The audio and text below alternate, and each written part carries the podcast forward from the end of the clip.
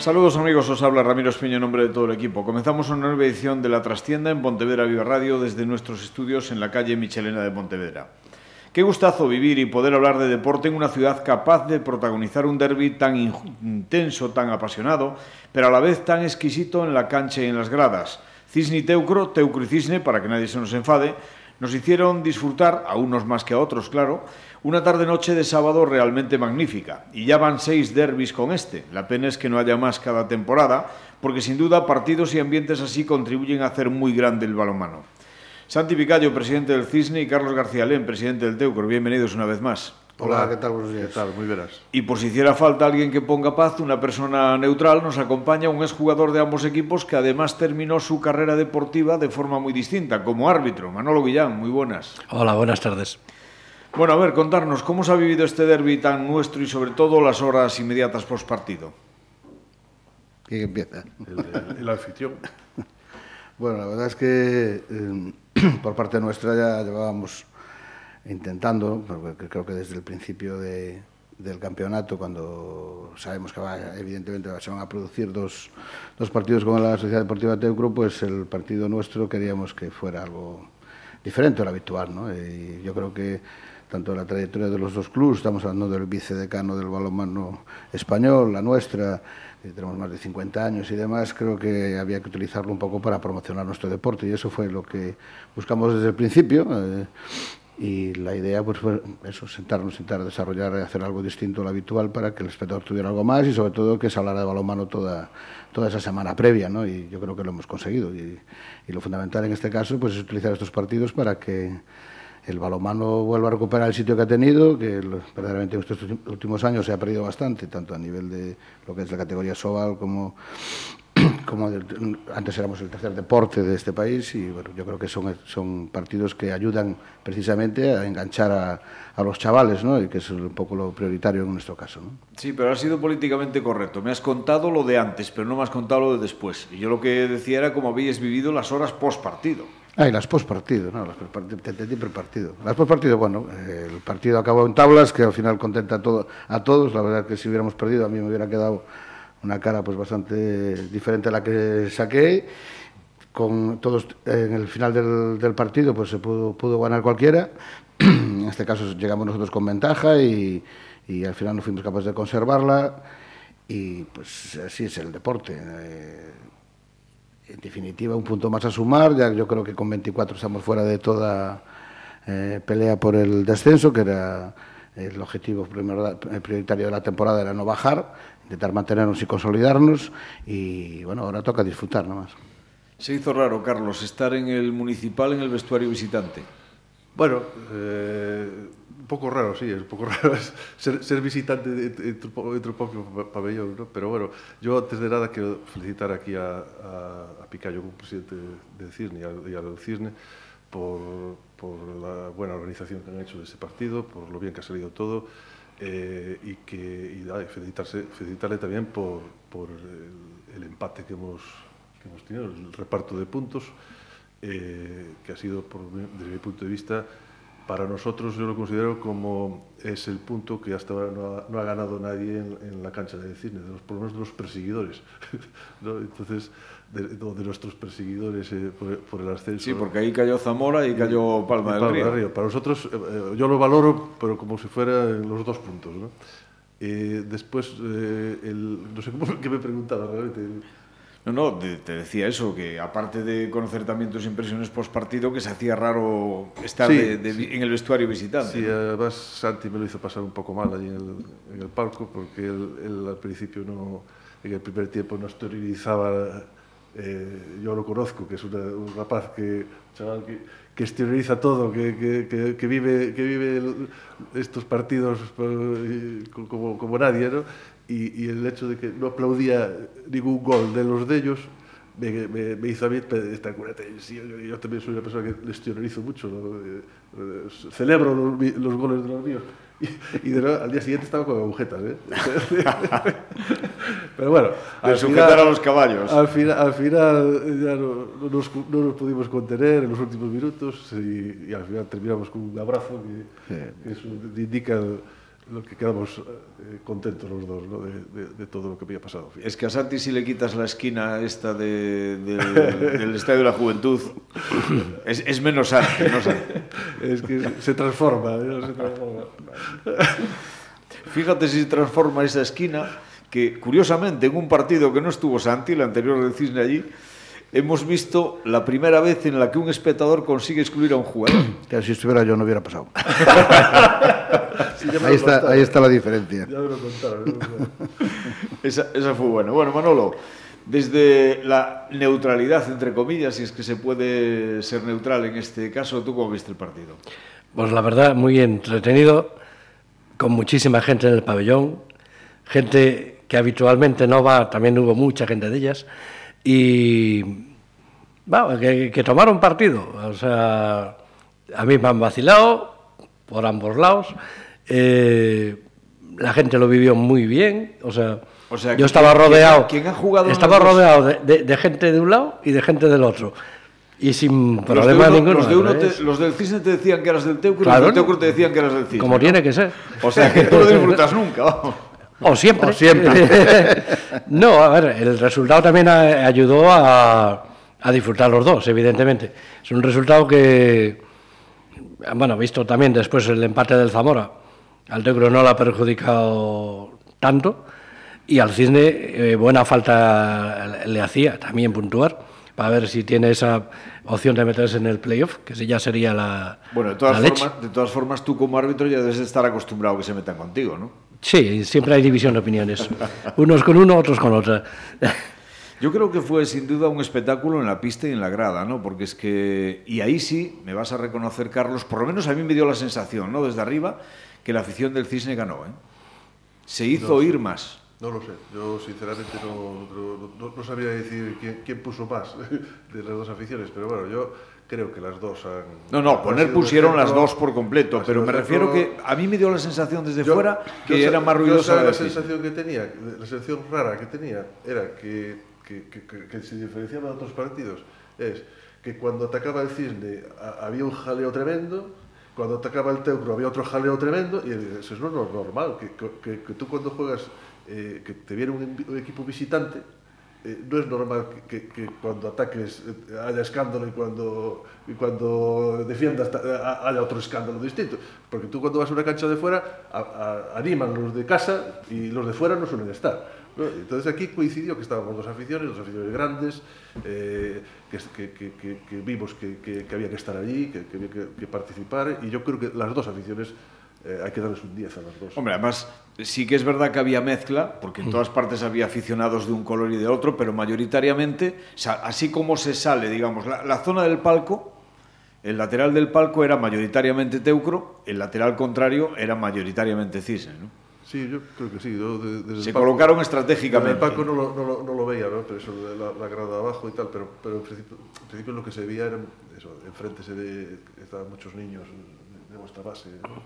Eh, pero bueno, yo sí hay que darle un, un calificativo, yo creo que las dos, eh, las dos eh, aficiones han estado sobresalientes. ¿no? Y que después también la mayor momento de, de barullo a favor de uno y de otro también dependía mucho del resultado en ese momento. O sea, lo- los puntos de partido de uno arriba, uno abajo, pues iba mucho la, la marea, iba mucho con el Los últimos resultado. 15 minutos fueron un infarto, ¿no? O sea, y, y las dos aficiones estaban volcadas. Yo, ahí, no sé, eh, es que no se puede pedir más, yo creo. No, yo creo que el ambiente ha estado, eh, bueno, para nosotros excepcional, ¿no? Que estamos acostumbrados a jugar con 400 personas eh, este año, ¿no? 300 largas, 400. El- es- eso sí, en el estadio la verdad es que se notan mucho los, el ambiente con 400 es un ambiente extraordinario. Yo único, mm, yo creo que quedamos, sinceramente, quiero, hablarlo así, sinceramente creo que eh, eh, por nuestra parte hemos estado todos los que teníamos que estar. eh, evidentemente ha habido muchísimos aficionados también neutrales, en el sentido de que ha venido un montón de gente de fuera, tanto de Vigo como de alrededores y demás. Ha habido partidos de Primera Nacional que se han colocado pues a las 5 de la tarde precisamente para poder asistir al derby, gente de Chapela, de, de un montón de sitios. Y eso también ayudó a que la cosa estuviera algo mejor. Yo únicamente en la zona de sí del Teco noté que a lo mejor el socio senior no, no existió tanto como otras veces. ¿no? No, y, pero- pero- pero, eso su- supuso eso supuso que hubiera casi allí 70, 80 niños que eso sí que gritaban.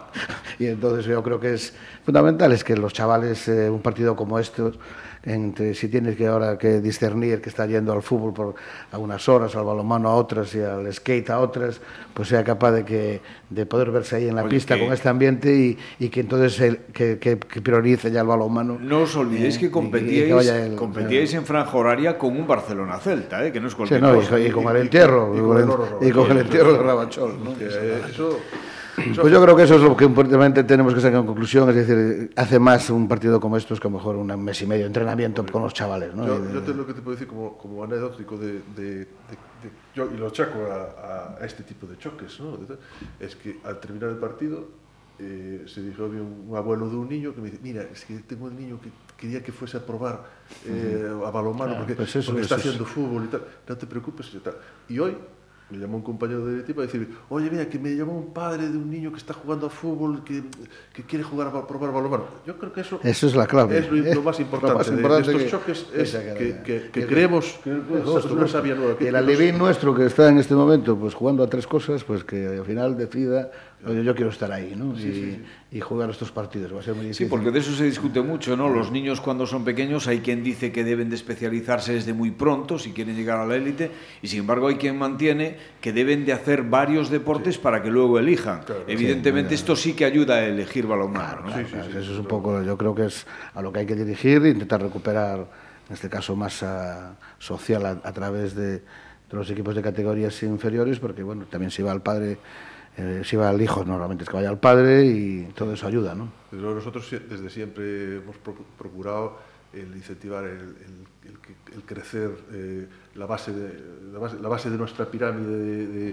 de, nuestra estructura eh, de, los equipos de, categorías más bajas, ¿no? de benjamines, alevines, crecer por ahí, porque eso eso es bueno lo que dice Santi, tienes, refuerzas la continuidad de los, equipos eh, de, categorías superiores y aparte nutres tu, masa social llegan nuevos socios que, son esos padres de, esos niños que te, empiezan a jugar balonmano. ¿no? Es que a lo mejor algo que ha pasado desapercibido, porque a veces nos olvidamos, ¿no? Y porque además también el, el pasado no tan lejano, pues decía otra cosa, que sobre la pista del pabellón había 32 jugadores y repasando así de memoria, aunque alguno de ellos es como si fuese ya gallego, por ejemplo el caso de Javi Santana, que lleva la tira de años también por aquí, ¿no? Pero creo que aparte Javi Santana y Samu Gómez, corregirme si me equivoco, Johnny- pero Johnny Medina tampoco Johnny. Medina. Samuel. El resto, Samu, Samu, sí, sí, Samu, Samu No, no, pero el lateral derecho. y Saúl. Sí, Saúl, Saúl. Saúl. Saúl, sí, Es decir. Sí, sí, cuatro De jugadores. 32, Cuatro. 28 eran de aquí, de Galicia, y, es más, de la provincia de Pontevedra, la inmensa mayoría. Y hace 15 años, eh, a lo mejor de, de 32... Había uno o dos. No, no, de 32 había uno o dos de aquí y a lo mejor de los 32, eh, 10 eran extranjeros. Eso es un gran cambio. Es también porque el, el- la- las- la- la- el balonmano a nivel nacional ha decaído y las ligas europeas son más importantes que las, que la- que las de aquí. Pero de- yo creo que esto nos ha hecho un gran favor para potenciar eh, no, a, a, a, nuestros chavales, a, a, a la gente de aquí, a las, de las canteras de CIS y de Teuco y de las canteras próximas. ¿no? Eh, mm. que ahora mismo, ¿quién iba a pensar hace 10 años que pudieras tener, no sé, 10, 12 o, o todos mm. tus jugadores gallegos o, o, o de Pontevedra? Eso, sí, sí, sí, eso es, es, nuestro caso. ¿no? Los... Vas compitiendo a un nivel eh, tremendo. Mm. Porque, de hecho, nosotros estamos arriba de todo, pero el CIS está eh, de la mitad de la tabla con tendencia a, a ir para arriba, ¿no? O sea que, que eso, vamos, mm, yo creo Sí, que no, es clave, para, es clave. Nosotros, ya te para- digo, somos 18, para estar satisfechos. 12 son de Pontevedra, 6 son de 4 de Vigo y uno de fuera. O sea, 5 de Vigo y uno de fuera. O sea que estamos aprovechando un poco el tirón de, de lo bien que se ha trabajado el balonmano en los últimos años aquí en- especialmente en la provincia de Pontevedra, ¿no? pero sobre todo también en Galicia, y están llegando jugadores de otras, de otras canteras que en principio lo tendrían bastante más difícil. Nosotros estamos contando, Teo cuenta con dos chavales de Carballo que son dos jugadorazos, ¿no? entonces, pues ahí hay, en otros sitios hay muchas posibilidades de encontrar algún jugador y sobre todo que somos atractivos para ellos, ¿no? Y eso es una, una parte también importante, el que nosotros podamos, en este caso, atraer al jugador y, y que se venga a jugar a esta ciudad, que sí, aquí, aquí, se vive balonmano. En ese aspecto, el crecimiento del balonmano en Galicia, Manolo, ha sido también espectacular. Yo recuerdo cuando, en nuestras épocas, que ya ha llovido mucho de eso, eh, provincia de Pontevedra y para de contar, o sea, no había solo equipo más allá, ¿no? Y ahora, sin embargo, pues hay ya eh, equipos que, que, que, tienen, empiezan a tener tradición y empiezan a sacar jugadores. Pues sí, hombre, eso es una labor ya de años. Hombre, yo soy viejo en estos lugares, ¿no? Cuando se fundó el universitario, la última época en que estaba yo, éramos todos de la provincia de Pontevedra menos uno, que era de Lugo, no era ni de Coruña. O sea, eso te digo algo. Y ahora tienes pues la gente de Carballo, por ejemplo, que está haciendo una labor in, inmensa, la gente de Camariñas, hay hay gente que, que, está trabajando muy bien. En Orense En, en Orense lo tengo un poco más yo no, despistado. Pero también están haciendo, sí, sí, está creciendo mucho y, sí. y aquí tenemos el Tecruta y otro jugador que es de Orense, precisamente. ¿no? Es, que, que es, vamos, el pensar que hubiera un jugador de Orense jugando en este, a este nivel, yo creo que no pasa desde hace, sí, no, pues casi cuando jugaba yo, que estaba sí. Otero en el Octavio. Era, era el, único, único jugador. Sí, pero por accidente. sí, sí, me salió de, de, de generación espontánea. espontánea claro. y tal, ¿no? Entonces, eso pues eh, implica que van a salir siguiendo jugadores y muchos jugadores de Orense se verán reflejados en, en Quintas, en Juan y, y seguramente pues se aplicará más para entrenar porque en cualquier momento lo pueden llamar un equipo de Pontevedra. ¿no? Bueno, volvemos una muestra, al derbi. Una muestra de, de, del, del, nivel que, que, está teniendo el balonmano, el crecimiento del balonmano también aquí es que hay, hay, un grupo de Primera Nacional gallego. O sea, que cuando antes Primera Nacional te dividías por varias, varias comunidades autónomas. Bueno, volvemos al derby, decía, ¿no? El anterior, 29 de octubre de 2016, ganó el Teucro 32-31, incluso con un último lanzamiento a balón parado para el Cisne para conseguir el empate que neutralizó el portero del Teucro. En este caso fue el portero del Cisne, Toño Lafuente, vaya partidazo que se tiró el juvenil, el que evitó que el Teucro ganase, Santi. Pues sí, lo, la verdad es que lo, lo comentaba con Pérez Oro yo en el palco. Cuando arrancó el partido, la verdad es que nuestra, aunque tuvimos ese, tuvimos un penalti que fallamos para ponernos 3-2, incluso un balón para ponernos 4-2, Ahí yo creo que el comienzo del partido estuvo bastante dominado por el Teucro. Nosotros creo que salimos un poco con un poco retenidos en nuestro juego, eh, que supongo que bueno, tú iría un poco dentro de la táctica que plantea el entrenador, eh, de, de, intentar no perder balones, de llevar el partido mejor un poquito a menos goles de los habituales, y que entonces ahí yo notaba que estaba un poquito el, el equipo retenido. Ahí la verdad es que el Teucro estuvo, estuvo mejor y Toño, la verdad es que al principio no estaba tocando. Y me acuerdo precisamente con una parada que hace, me dice José Luis, uy, esto puede cambiar si empieza a tocar balones. Y no, y la verdad es que no es que haya tocado uno o dos, es que ha tocado unos cuantos. ¿no? Y sobre todo en la parte final, yo creo que los dos porteros fueron decisivos, pero especialmente Toño, porque para el balón que decide el partido. ¿no? Sí, a Edu Moledo primero y luego el lanzamiento eh, último de Pichel. Los dos últimos lanzamientos el de Edu Moledo es un paradón impresionante. Yo creo más, más claro es el de Edu. Y hace, bueno, pues ahí aplicó toda su experiencia, me recordó mucho al que le hace a, a Ramón Martínez hace dos años, cuando ganamos a, al, al, al, Atlético Novas en el estadio, faltando cinco segundos, que le hizo una cosa parecida, tirando los dos pies hacia afuera, tipo ahí Matt Olson, y, Lo que pasa es que este, y año, se los llevó, este ¿no? año Toño lleva varias hechas, ¿eh? Sí, la verdad es que la portería ha estado funcionando bastante bien, en, en tanto en, en, toda la primera parte. Vamos, el día del es... Palma del Río se salió. Sí, pero bueno, también Pablo Galán ha hecho sí, sí, excelentes duda, partidos, ¿no? Entonces ahí la portería ha estado funcionando francamente bien. Yo creo que Pablo ha venido un poquito después de las Navidades pues eh, ha tenido problemas eh, sobre todo en el gemelo y no está entrenando al 100% y al final Toño pues ha dado el paso adelante y ha sacado toda su experiencia, sus ganas y sobre todo pues lo, lo que vive esto, ¿no? Pues, yo estoy convencido de que si no tuviera la mentalidad que tiene no estaría jugando. La desgracia el año pasado cuando rompió el, el, cruzado en el partido con el Valladolid, pues parecía que ya lo enterraba definitivamente y que no iba. Ya ha sacado de ahí pues ese carácter que tiene de peleón. O sea, que ya estás pensando en renovarle. Hombre, yo, yo eso, como, como decían muchos presidentes del fútbol, va a estar hasta que él quiera. Ha sido un, un, partido en el que evidentemente la primera parte fue para el Teucro, incluso los primeros minutos de la segunda, que llegasteis a poneros con cinco arriba, Pero a partir de aí yo non sei se si el cisne se sacou la pelusilla esa de, bueno, como ya lo tengo todo perdido, vamos para adelante y, y que pase lo que pase. Pero el resto del partido fue para el cisne y aún así, aún así, el Teucro tuvo a falta de, de un minuto y poco ese balón de Edu Moledo para, después de remontar, irse de dos, hizo un parcial de, de 0-3 y sentenciar el partido. O sea, ahí hubo vaivenes constantes. ¿eh? Sí, sí, es verdad. Yo creo que... Eh desde o punto de vista eh, eh, está clarísimo que, que este partido eh, eh por parte de Cisne fue determinante la, el papel que jugó eh, eh, la portería, ¿no? o sea, eso vamos, todo el mundo lo, lo hemos visto. Quizás yo lo que veo en, en nuestro equipo ha tenido una, una, una serie, cadenó una serie de, de errores mmm, que, que quizás eh, fueron los, los que a lo mejor llevaron a, a que nos, no, no siguiesen eh, en, enganchado en el partido. ¿no? Y el Cisne ese, supo aprovecharnos estos errores, gracias a que al final hemos sido capaces de, de volver a, a, a, retomar las riendas de, de la iniciativa y, y se consiguió ese empate. Pero bueno, eh, muchas veces yo creo que se debe el, empate al, acierto de, Toño la, Fuente, eh, porque no, quiero reconocer que sea el error del, de, del jugador eh, a, la hora de tirar esos, últimos, eh, lanzamientos de esos dos últimos ataques. No es un error del, del, jugador, ahí es claramente un acierto del portero. ¿no? Entonces, nada no hay nada más que decir. Y el secreto mejor guardado del derby, la lesión de David Chapela. Bueno, eh, la verdad es que estuvimos esperando hasta el último momento, ¿no?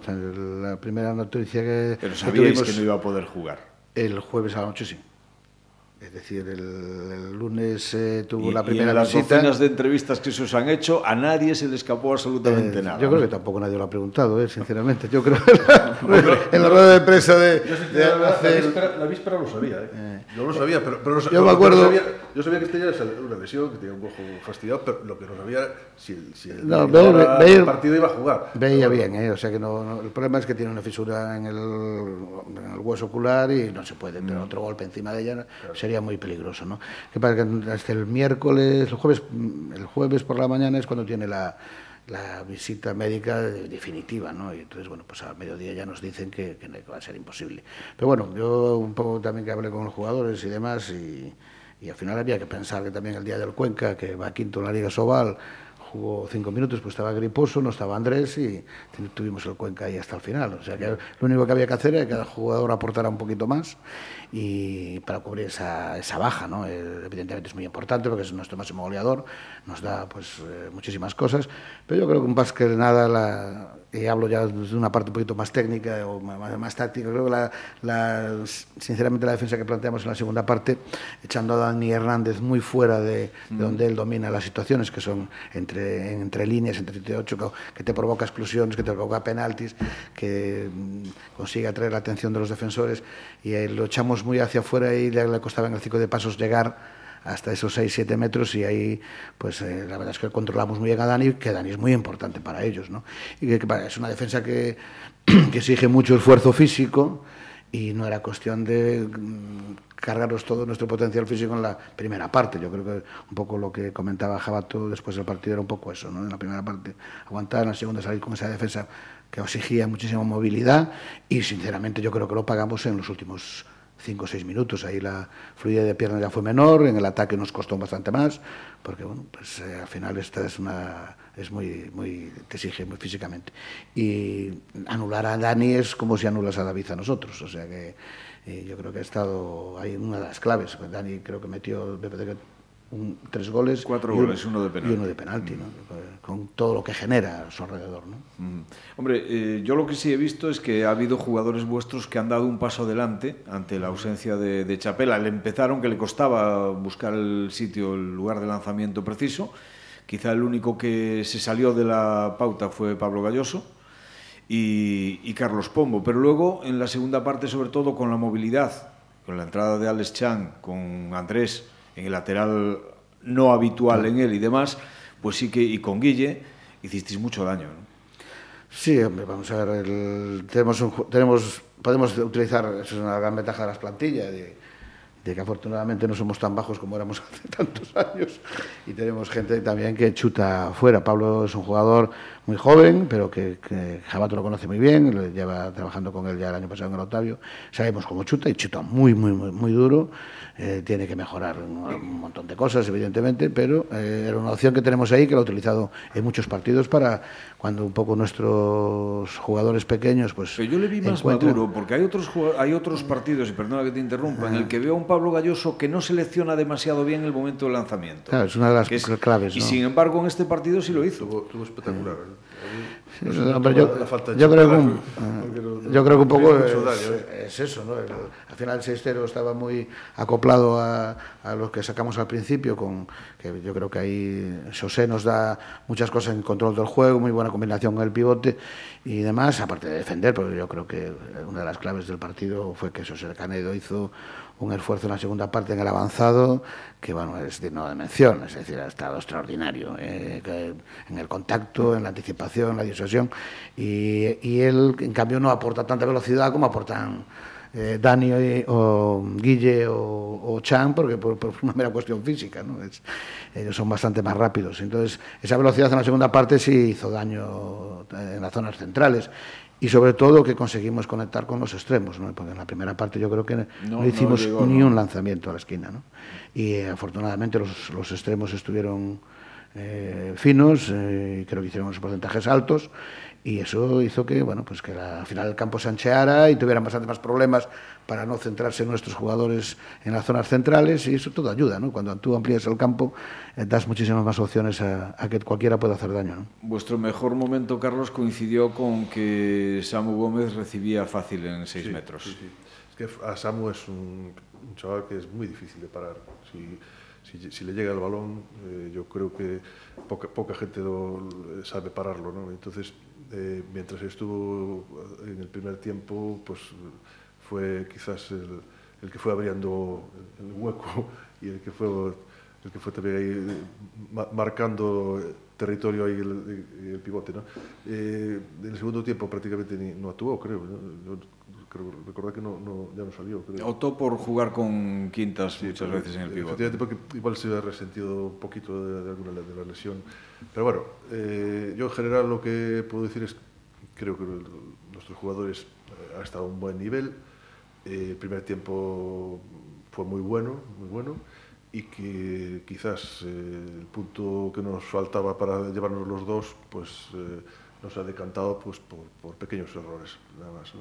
Pero que bueno, eh, hay que, como lo dije ya antes, mmm, hay que darse por satisfechos que hemos sacado un punto en una cancha que es muy difícil sacarlo. Desde arriba, árbitro, el empate lo más justo a la vista de lo que hicieron en el conjunto de los 60 minutos los dos equipos. Yo creo que sí. Eh, para mí, a, a favor del Cisne, me gustó cómo se, sobre, cómo se sobrellevaron la, la baja de David Chapela porque para mí es un jugador determinante para ellos. Y, y el Teuro, eh, para mí lo mejor, que en, en, la segunda parte cuando venían muy mal dadas, porque había mucha gente presionando, que no están acostumbrados que claro, en Pontevedra le pase eso, pues subieron mantener la calma y, y esperar el momento oportuno para intentar ganar el partido. Y yo creo que al final se hizo justicia. Incluso, mira, eh, llevamos aquí hablando pues media casi, hora o así y tal. Y aquí nadie habló del arbitraje. O sea, te, iba, te, iba, a preguntar yo ahora, para variar. Hombre, es que me da tiene... la sensación, además, por las caras, que no le ha gustado a ninguno. Por eso, tiene, eh, por eso, pero digamos que los errores. Yo, sinceramente, que, que creo hubo, que no estuvieron mal. ¿eh? Los errores que hubo, creo que fueron los errores, digamos, hubo pocos, groseros. Pero, hubo pocos, pero groseros. Fueron, uh. Pero que fueron repartidos. Bueno, y entonces, ahí tengo serias dudas. Yo ahí... No han sido peores árbitros que los que los habitualmente no. nos, nos, nos, arbitran. O sea, Yo los no, he visto. Después, es una buena pareja. Los he visto bastante peores. No es una mala, no es una mala pareja. Después cada uno, claro, lo ve a su favor. Hubo dos o tres, yo creo que sí. un poco groseros. ¿eh? Sí, pero tanto para uno como para otro. Sí. O sea, bueno, yo, yo, yo, Bueno, puntualmente yo estoy jugando de dos jugadas, que está una para un lado y otra para otro. En este Sí, caso, en yo- dos. Yo he, he tenido la oportunidad de volver a ver el partido el sábado, Bueno, eso el aparte, sábado pero por eso- la noche. yo es que no lo vi. Y claro, ha habido algunas jugadas un poco de. Lo que pasa es que en un, ido- partido, en un partido de empate, dependiendo cuando se produzca el error que te favorece o que te beneficia, pues parece que adquiere otra dimensión. Yo creo que en el final de la primera parte que, que nosotros nos recuperamos a partir del 4 del 4-8, eh, nos pusimos 8-9 y ahí entramos en el partido, pudimos correr, Pablo Galloso la verdad es que nos metió en el partido con esos dos o tres lanzamientos que hizo muy fuertes. Creo que el resultado de tres goles al descanso nos reflejó lo bien que jugamos los últimos 10 minutos. ¿no? Y estábamos aún abajo, hubo unos pies clarísimos que le dan directamente en la... Pero es que le pegan la, tibia y le va directamente al pivote. Y el pivote mete gol. O sea que es eh, un pie, un pie algo que, que no, no tiene ningún sentido que no lo pueda ver. En el vídeo se ve perfectamente, ¿no? Y, y hay otra jugada más. partido está arbitrado, Santi. No, no, sí, por supuesto, pero estamos hablando aquí de, de las situaciones. el Digo que ha habido alguno grosero en el sentido de que era imposible no verlo. ¿no? Y bueno, pues eh, sinceramente yo creo que han estado un poquito. En eso no- mejor nos ha perjudicado más, el sentido de que los errores se fueron con nosotros y nada más. O sea que no creo que sea, estamos haciendo ningún tipo de. De que se haya decidido por el, el partido por el arbitraje. ¿no? Yo, sinceramente, para mí era un partido que tenía mucho que pitar, por el ambiente, por los condicionantes, por la igualdad. Ya, por pero la- fue un partido muy limpio, no hubo contactos exagerados. Pero Ellos ¿cuántas son veces, muy fuertes defendiendo. Santi, de verdad, ¿cuántas veces vemos un partido tan limpio como ese? Y te voy a poner un ejemplo, sin ir más lejos, que te afecta directamente. Bueno, no sé si has podido ver el partido porque no estabas Sí, sí, lo- lo- ese día en el, en el pabellón, el día del Palma del Ah, Río. día del Palma del Río, no, en la no, primera parte sufristeis seis exclusiones por ninguna de ellos. Y eso sí es desigualdad. Y eso sí es desequilibrar o poder desequilibrar un resultado. Y sin embargo, en un partido con tanto que pitar como este, es que creo que hubo tres exclusiones, me parece, en todo el No, no, yo creo que disciplinariamente, disciplinariamente yo llevar, creo que ¿no? han estado bien, en el sentido de que, bueno, ya ves, lo, lo, lo importante es ver algo, te ves que pegan un pie y tienes que pitarlo. Pero no, esos son matices, coño. que no, no es, ahí no es un matiz, ese es el tema. Digo, lo que ha habido, Manolo, yo otra cosa, si ha habido pocos, pero ha habido pocos. que Olvídalo, duerme tranquilo, duerme. Si no, yo dormí muy tranquilo. Después hay. Después hay una cosa, pero eso ya no es en este partido, es en todos. Fíjate, un inciso, Manolo, fíjate lo que levantáis los árbitros, que hasta en un partido que ha estado precedido y después también de una absoluta cortesía institucional, terminan picándose, ¿ves? Cuando hablan de árbitros. Hombre, a ver, sacado una parte de lo que es el, lo, la- lo- el arbitraje, lo que hay en el juego, arbitraje ¿no? siempre es Van a subjetivo. errores que no son. Evidentemente, el Teucro dirá que le ha perjudicado el arbitraje y el Cisne también. O sea, y No, si- no lo después te decimos, pa- digo que después te paras. yo digo que no he perjudicado, digo para que ha habido algunos, yo, algunos yo no veo que los, los arbitrajes Para, para mí fue un arbitraje eso, que, que repartieron errores. Pues el error, no, hombre, ese es muy grosero. De hecho, el árbitro al señalar señaló que le había pegado en el, muslo, que era en el cosa muslo. que era imposible, que era imposible. difícil. Era- yo, era yo estaba en la otra esquina, la verdad, Era vi que para mí me pareció Tal como sale el balón No, para mí me demás, pareció es bien, pero imposible bueno, que le toque como el, el tío, el árbitro señaló el, el muslo, digo, pues habrá pegado hoy. O sea, no sé, desde el otro punto ya te digo, me parecía no sé. partido Pero después hubo otras, otras Evidentemente jugadas. no se va a rearbitrar. Claro, y- jugadas Si que- dice que le pegó en el muslo o que le haya pegado en, la- en el, en el pie, le pegó en el muslo. ¿qué Claro. No, no, le pegó el muslo para él y no lo aplica, pero eso no quiere decir que lo haya pegado. Ahora cambiar el, el- No, claro, por supuesto. Pues Te digo yo que es la entonces, interpretación del que árbitro. nadie pues. está pidiendo la interpretación del árbitro. El árbitro puede- Fijaros cómo puede se ha alterado esto en cuanto hablamos de los lo que árbitros. quiere. Para que- Primero que para que no tienen interés. No, Ya, ya. no tienen interés. El... No, pero sí. Pero bueno, Le eso- estamos dando algo. que Eso no tiene significa que son, son partidos que, que se viven y evidentemente todo el mundo tiene, eh, bueno, y sobre Has todo, abierto la casa de los truenos. sobre todo acabando en empate, está claro que cada uno, viendo el vídeo del el día siguiente del partido, pues evidente cada uno puede sacar tres o cuatro jugadas y decir, mira, aquí me, aquí me han perjudicado claramente. Y es cierto, además, o sea, pero bueno, yo creo que en general además con, la, con el ambiente que había y todo eso, que también los árbitros tampoco están acostumbrados ayudaron a- pitar con esa, con esa mucho, cantidad de gente y tal. deportividad Y entonces, hombre, eso, eso es fundamental.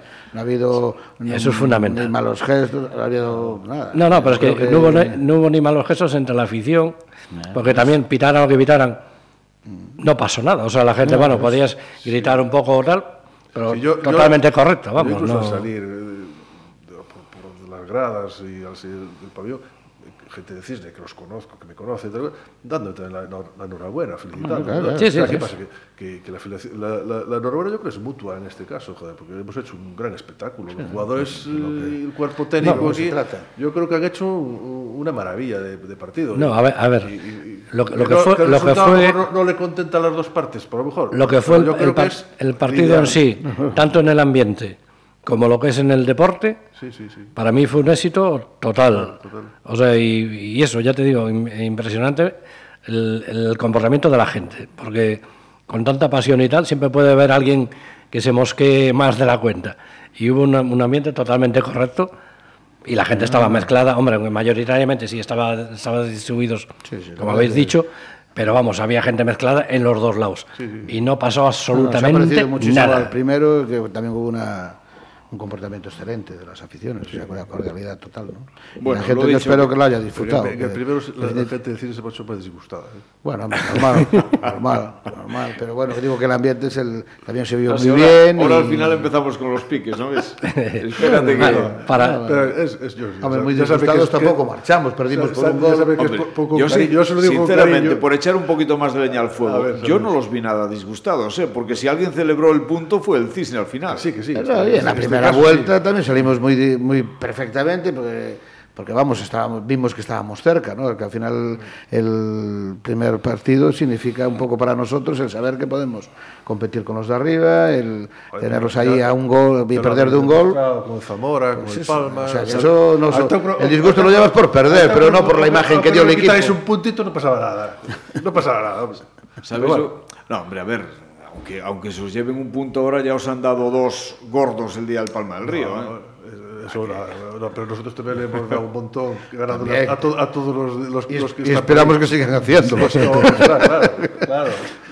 Los favores son Yo sabéis, lo- sabéis lo que siento, que para el año que viene no vamos a tener derby. Ay, amigo, ¿y cómo lo sabes? Ojalá, Tienes la bola de cristal. ojalá. Y, y- y eso no se puede decir, ¿eh, macho? Ojalá, No, ojalá, ojalá. No está hecho, ¿eh? Lo nuestro no está hecho. De verdad, bueno, pues eso, para ir que cerrando. son ya. siete Quedan siete, partidos. siete jornadas, 14 puntos, el Teucor tiene 4 de ventaja, que en realidad Esta bueno, es importante. pues, es muy importante sobre Palma del Río. La pregunta es esa, ¿serán suficientes, Carlos? Yo ahora mismo no, no lo veo suficiente, pero bueno, pero si nosotros seguimos con la trayectoria que seguimos eh, y los demás, mm, pues a lo mejor mm, también pueden llegar a patinar también, yo qué sé. eh, Pues a lo mejor podemos llegar a, a cuando nos enfrentemos a, a Palma, pues a lo mejor con los deberes hechos, no lo sé. Esto es un poco... Nosotros tenemos que seguir eh, en la misma línea, tratando de, de- de amarrar todos los puntos que podamos para llegar a- al final, pues si podemos en la, a, falta de tres jornadas eh, bate- básicamente tener ascenso, fenomenal. Pues cuanto antes a ver si lo, aseguramos, pero hoy no, no está asegurado. Os vienen dos partidos inmediatos que en principio son, bueno, eh, pintan bien, ¿no? Hombre, Gijón- Gijón, Jovellanos aquí y Córdoba ya. El Córdoba, pues, pues depende. Cuidado con Córdoba en su pista. No, hombre, que- en su pista sí porque juega con, con todos los... con- o sea, hay dos jugadores... hombre, Cada- que cada- son ahora Dublino, mismo, Dublino y Ruano, que son jugadores hechos en Asobal, que no, no les viaja. ahora, ¿no? ahora mismo ningún, ningún enemigo es pequeño. ¿eh? Pero bueno, yo creo que... el- Cualquiera te la puede pintar. Carlos yo lo veo muy pesimista. A ver, el- pesimista, No, ¿eh? pesimista no, Eh, realista, el- ellos, el Palma del Río también, y el Zamora también tienen partidos complicados, van a tener que jugar entre ellos.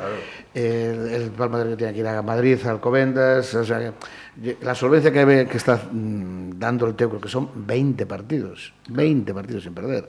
Que, que no sé, se dice muy pronto. Hombre, yo, yo miré un poco Eh, el calendario. Una vuelta dura 15. Hombre, una mira, vuelta dura 15. el- el- la temporada que ascendimos, creo que llegamos a tener una racha de 22 partidos sin perder. ¿no? Eh, en esta llevamos 20. Mm, No quiere decir nada tampoco. A lo mejor tienes mala suerte de perder 5 seguidos y la has cagado. ¿no? Pero, pero bueno, eh, yo en eso soy muy cauto. No se nos caen los anillos porque al final no salgan las cosas y, y- te tengas que quedar en la plata o tengas que hacer la fase de ascenso. Mm, Hay que, hay que pensar en todo. Pero desde luego. Eh, yo estoy encantado de, de volver a conseguir el, el ascenso directo, ¿no? Bueno, y el Cisne, a dos puntos de Torrelavega, ya el descenso, o sea, la, la permanencia, la permanencia ya dejamos de hablar de ella. Sí, sí, sí. Yo estaría encantado de estar en el sitio del Teucro, estar con cuatro puntos de ventaja sobre el segundo. Pues decía, a dos puntos de Torrelavega, empatado con Ciudad Real y con Grupo Covadonga, con el que jugáis este próximo sábado. Tampoco es fácil el, el partidito, ¿no? Al grupo le llevamos dos, me parece. Y Carabanchel muy Estamos en- cerca. Sí, sí, al grupo le lleváis dos. El Carabanchel también muy cerca, igual con dos puntos. Lo Hombre, mismo por- que el Covadonga. Por el, viendo Si, si no se gana en Gijón hay playoff o ya será imposible y el resto de la temporada final, lo dejamos vamos estando tan apretados y en dos puntos, quedan 14 por jugar, bueno, bueno, pero aún queda mucho, puede pasar, ¿no? Lo que sí está claro es que, lo que tenemos, esto todo pasa porque mejoremos fuera, ¿no? Porque fuera estamos teniendo problemas, y eso es una cosa obvia, ¿no? Hemos ganado dos partidos. El, ¿Qué pasa? Que viendo un poco el calendario, verdaderamente el calendario con los eh, que vamos a jugar, pues eh, sinceramente son del séptimo para abajo, ¿no? Que son partidos importantes. Creo que recibimos a Torrelavega, que es el único que está por encima, y después jugamos con, con los de estándar por debajo nuestra. Hombre, es, eh, tienes que poner eso por un lado en, en la parte de la pesa, pero en la otra Hombre. que fuera no estamos eh, dando el nivel que estamos dando en casa. Entonces, al final una cosa compensa a la otra. ¿no? Yo que- Pues nada, Manolo, yo creo que lo, lo ideal será que ascienda el Teucro y que esperen a Sobal a que llegue el Cisne. O que juegue la fase de ascenso. O que juegue la fase de ascenso. No tiene, o sea, no lo tiene. A ver, el Teucro, yo he hecho unas cuentas así más o menos de la. Vamos, mirando el calendario. El Teucro tiene que ganar los partidos de casa y fuera Y al. Córdoba. No, claro, si gana... No, no, los de casa y Los de Córdoba. casa- los de casa y Córdoba está Porque después queda Alcobendas, Alcobendas y Palma del Río. O sea, no es, no es nada imposible. Sí, sería ganar. El Barcelona el único escollo, el único escollo es el Barça. casa, eh, no es lo y el, y el Cisne, el Cisne lo mismo, para clasificarse para la fase de ascenso. El partido más difícil que tiene, digamos, es el de Covadonga. Y después tiene fuera dos salidas, que es Nava y Tolosa.